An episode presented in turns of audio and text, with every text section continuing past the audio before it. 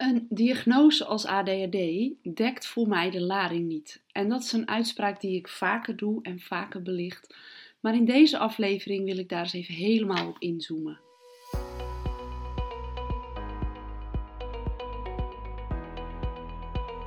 Steeds vaker lijkt het alsof we probleemgedrag proberen te vangen in een diagnose. Kinderen die niet stil kunnen zitten, zich niet kunnen concentreren, alle vogeltjes zien vliegen, snel afgeleid zijn en daardoor niet tot werken komen. Of gedragsproblemen die daaruit voortkomen vanuit een stukje verveling, het missen van uitdaging of het missen van focus, waardoor ze tot last zijn voor andere kinderen en de docent bijvoorbeeld. Steeds vaker wordt probleemgedrag geïdentificeerd met symptomen die in een rijtje staan van gedragsstoornissen als ADHD, ADD of autisme. Alsof we gedrag dan beter kunnen verklaren en begrijpen.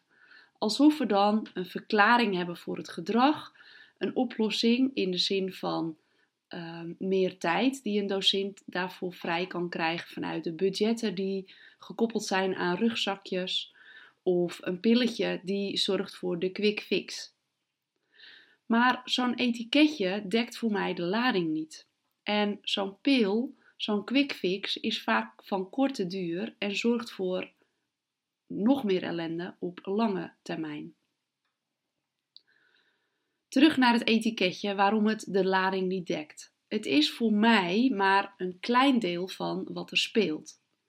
Pleegkinderen hebben traumatische gebeurtenissen doorgemaakt en zijn onthecht, ontworteld uit hun biologische thuissituatie, uit hun nest. Door trauma en onthechting wordt het kind geforceerd naar een groter en intenser bewustzijn getrokken. Ook daarover vertel ik in eerdere podcastafleveringen. 50. Gevolgen van trauma, deel 1. En natuurlijk is deel 2 ook interessant, podcastaflevering 52. Hier ga ik in op de gevolgen van trauma gezien vanuit de zevenjaarsfase en vanuit het vier temperamenten. Weer even terug naar het door trauma en onthechting geforceerd naar een groter en intenser bewustzijn getrokken worden van het kind.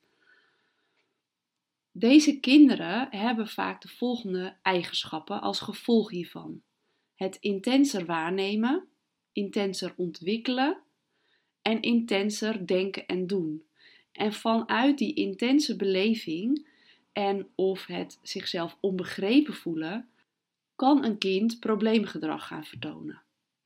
Hetzelfde kan gebeuren bij drank- of drugsgebruik, wat een poort is naar een groter bewustzijn. Een hogere gevoeligheid wordt opengetrokken, maar ook een beerput die mogelijk opengetrokken wordt. Een beerput met pijnen en trauma's waarvan het kind zich mogelijk niet bewust was, of niet bewust was dat het een zo'n groot probleem was voor het kind. Dit wordt opengetrokken door het gebruik van drank en drugs, waardoor alles intenser beleefd wordt met bijvoorbeeld angststoornissen tot gevolg.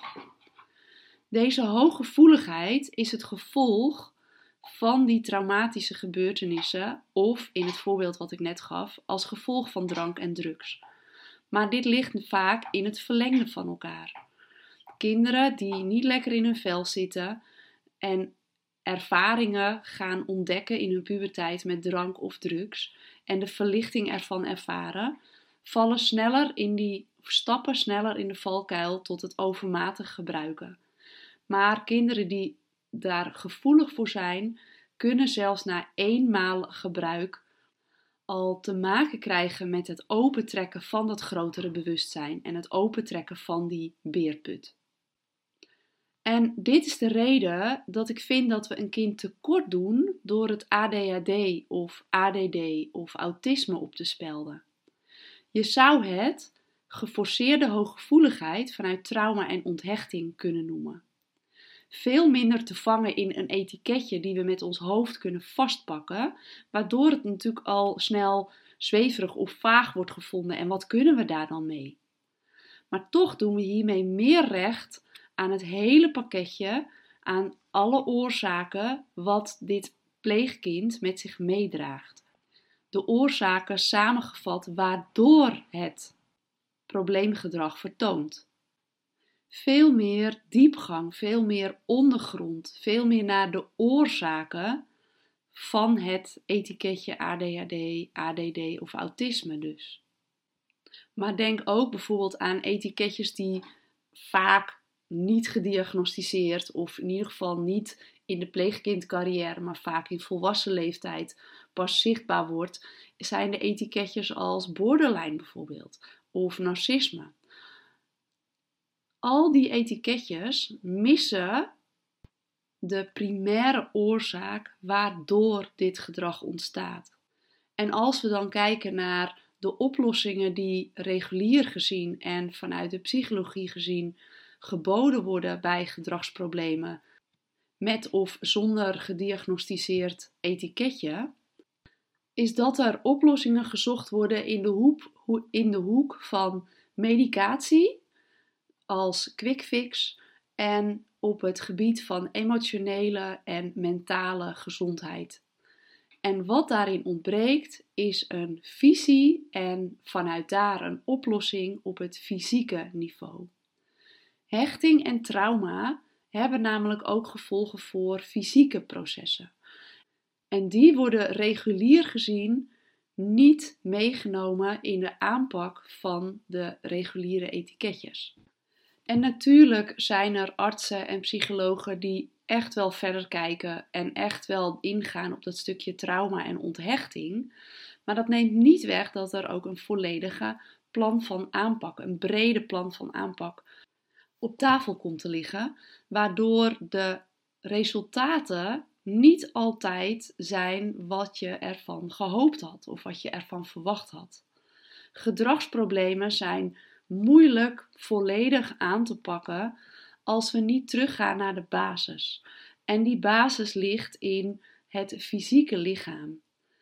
De gevolgen van hechting en trauma op het fysieke lichaam kunnen niet alleen op emotioneel en mentaal vlak aangepakt worden, maar moeten ook op dat fysieke vlak aangepakt worden.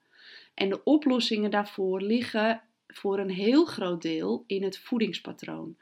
Het hedendaagse voedingspatroon, die de verstoorde processen die hechting en trauma op fysiek niveau teweeg brengt, worden door middel van slechte voeding in stand gehouden.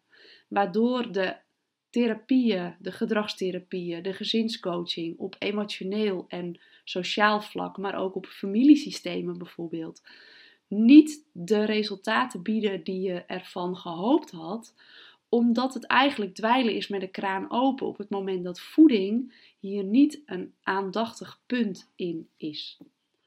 Maar ook het slaappatroon en het inspanning- en ontspanningspatroon, waardoor het lichaam in staat is om te herstellen, zijn aandachtspunten die naar mijn idee niet of nauwelijks mee worden genomen in het plan van aanpak vanuit de bestaande bekende therapieën en mogelijkheden. En dat is een gemiste kans waardoor resultaten uitblijven en niet tot de maximale resultaten zullen leiden. En dat is jammer en dat is een understatement. En als we vanuit dit plaatje met de ontbrekende sleutel kijken naar het missen van de vervulling in jouw werk en de zwaarte die op de schouders van pleegouders leunt als ze te maken hebben met grote gedragsproblemen of angststoornissen en dat soort zaken, dan biedt dit zo ontzettend veel mogelijkheden, waardoor het hele systeem van jou tot en met het pleegkind, de, het pleeggezin, de mensen die daaromheen staan, maar ook de grotere effecten die de emotioneel-mentaal gerichte therapieën en de systeemtherapieën die ingezet worden, de grotere resultaten waar dat toe zal leiden, omdat de ondergrond er is om goed te kunnen functioneren vanuit het fysieke lichaam, dat is er een waar mijn hart van gaat dansen. Ik heb de resultaten gezien van voeding op mijn eigen pleegkinderen. En ik vind het nog steeds altijd heel gek als ik zeg eigen. Want uh, zelfs mijn biologische kinderen zie ik niet als mijn eigendom. Ze zijn vooral van zichzelf. Maar terug naar onze pleegkinderen. Die uh, hebben enorme transformaties doorgemaakt. De eerste pleegzorgbegeleider die wij hadden, die kwam na drie weken uh, sinds zij bij ons woonde hier om de koffie. En die viel stijl achterover wat er met deze pleegkinderen gebeurd was. Uh, waar ze van timide, teruggetrokken, in zichzelf gekeerd en nauwelijks uh, praten, waren veranderd in kinderen die enthousiast de deur opendeden, een rondleiding gaven langs onze dieren op de boerderij en volop aan het babbelen waren. En de pleegzorgbegeleidster mij aankeek en zei: Wat is hier allemaal gebeurd? Want ik weet echt niet wat ik meemaak. Dat is natuurlijk een samenspel van niet alleen de voeding, maar de hele leefomstandigheden, de veilige omgeving en noem alle factoren maar op. Dus voeding is niet de sleutel, maar het is wel de ontbrekende sleutel die in heel veel situaties tot verbluffende resultaten kan leiden. En dit is een van de sleutels die jou zal brengen naar veel meer voldoening in je werk. En ook weer een van de sleutels. Want binnen het succestraject is dit vanuit een ondergrond van kennis. Hoe werkt dat nou precies? Hoe heeft hechting en trauma nou precies effect op het fysieke lichaam? Wat gebeurt er dan, zodat je dat ook echt gaat begrijpen? Maar daarnaast breng ik je ook in verbinding met waarom kies ik voor dit vak? Want als je in verbinding bent met je echte, diepste waarom, is dat je brandstof om met werkdruk om te gaan. En daarnaast leer ik je natuurlijk hoe je van werkstress naar meer werkverlichting kunt gaan door praktische tools en door die ook echt daadwerkelijk te integreren in je werk. Binnen het succestraject zijn naast de trainingsdagen ook een aantal één op één coachmomenten, waarin je de laatste vertaalslag kan maken naar het integreren in jouw werkweek. Want iedereen is daarin uniek en iedereen heeft daarin iets anders nodig om die laatste haakjes vast te pakken en de gedeelde kennis in de trainingsdagen te integreren in jouw werk. Gaat ook jouw hart hiervan dansen? Stuur me dan een berichtje, dan gaan we in gesprek en gaan we ontdekken of dit is wat jij nodig hebt. Want als er iets anders is wat jij nodig hebt, zal ik daar niet in schromen om dat met je te delen. Het belangrijkste vind ik dat dit past bij jou, zodat dit tot de maximale resultaten kan leiden. En dus niet zonde is van jouw tijd. Hieronder in de show notes vind je mijn mailadres en de link naar mijn LinkedIn-pagina waar je me ook een berichtje kunt sturen. Wil je kennis maken? Stuur me dan een berichtje, maar ook voor andere vragen en opmerkingen ben je van harte welkom om contact met me op te nemen. En dan wil ik je weer bedanken voor het luisteren van deze aflevering. Want als je dit hoort, neem je dus de moeite om de hele aflevering af te luisteren. Dank je wel daarvoor. Heb ik nog een laatste vraag aan je.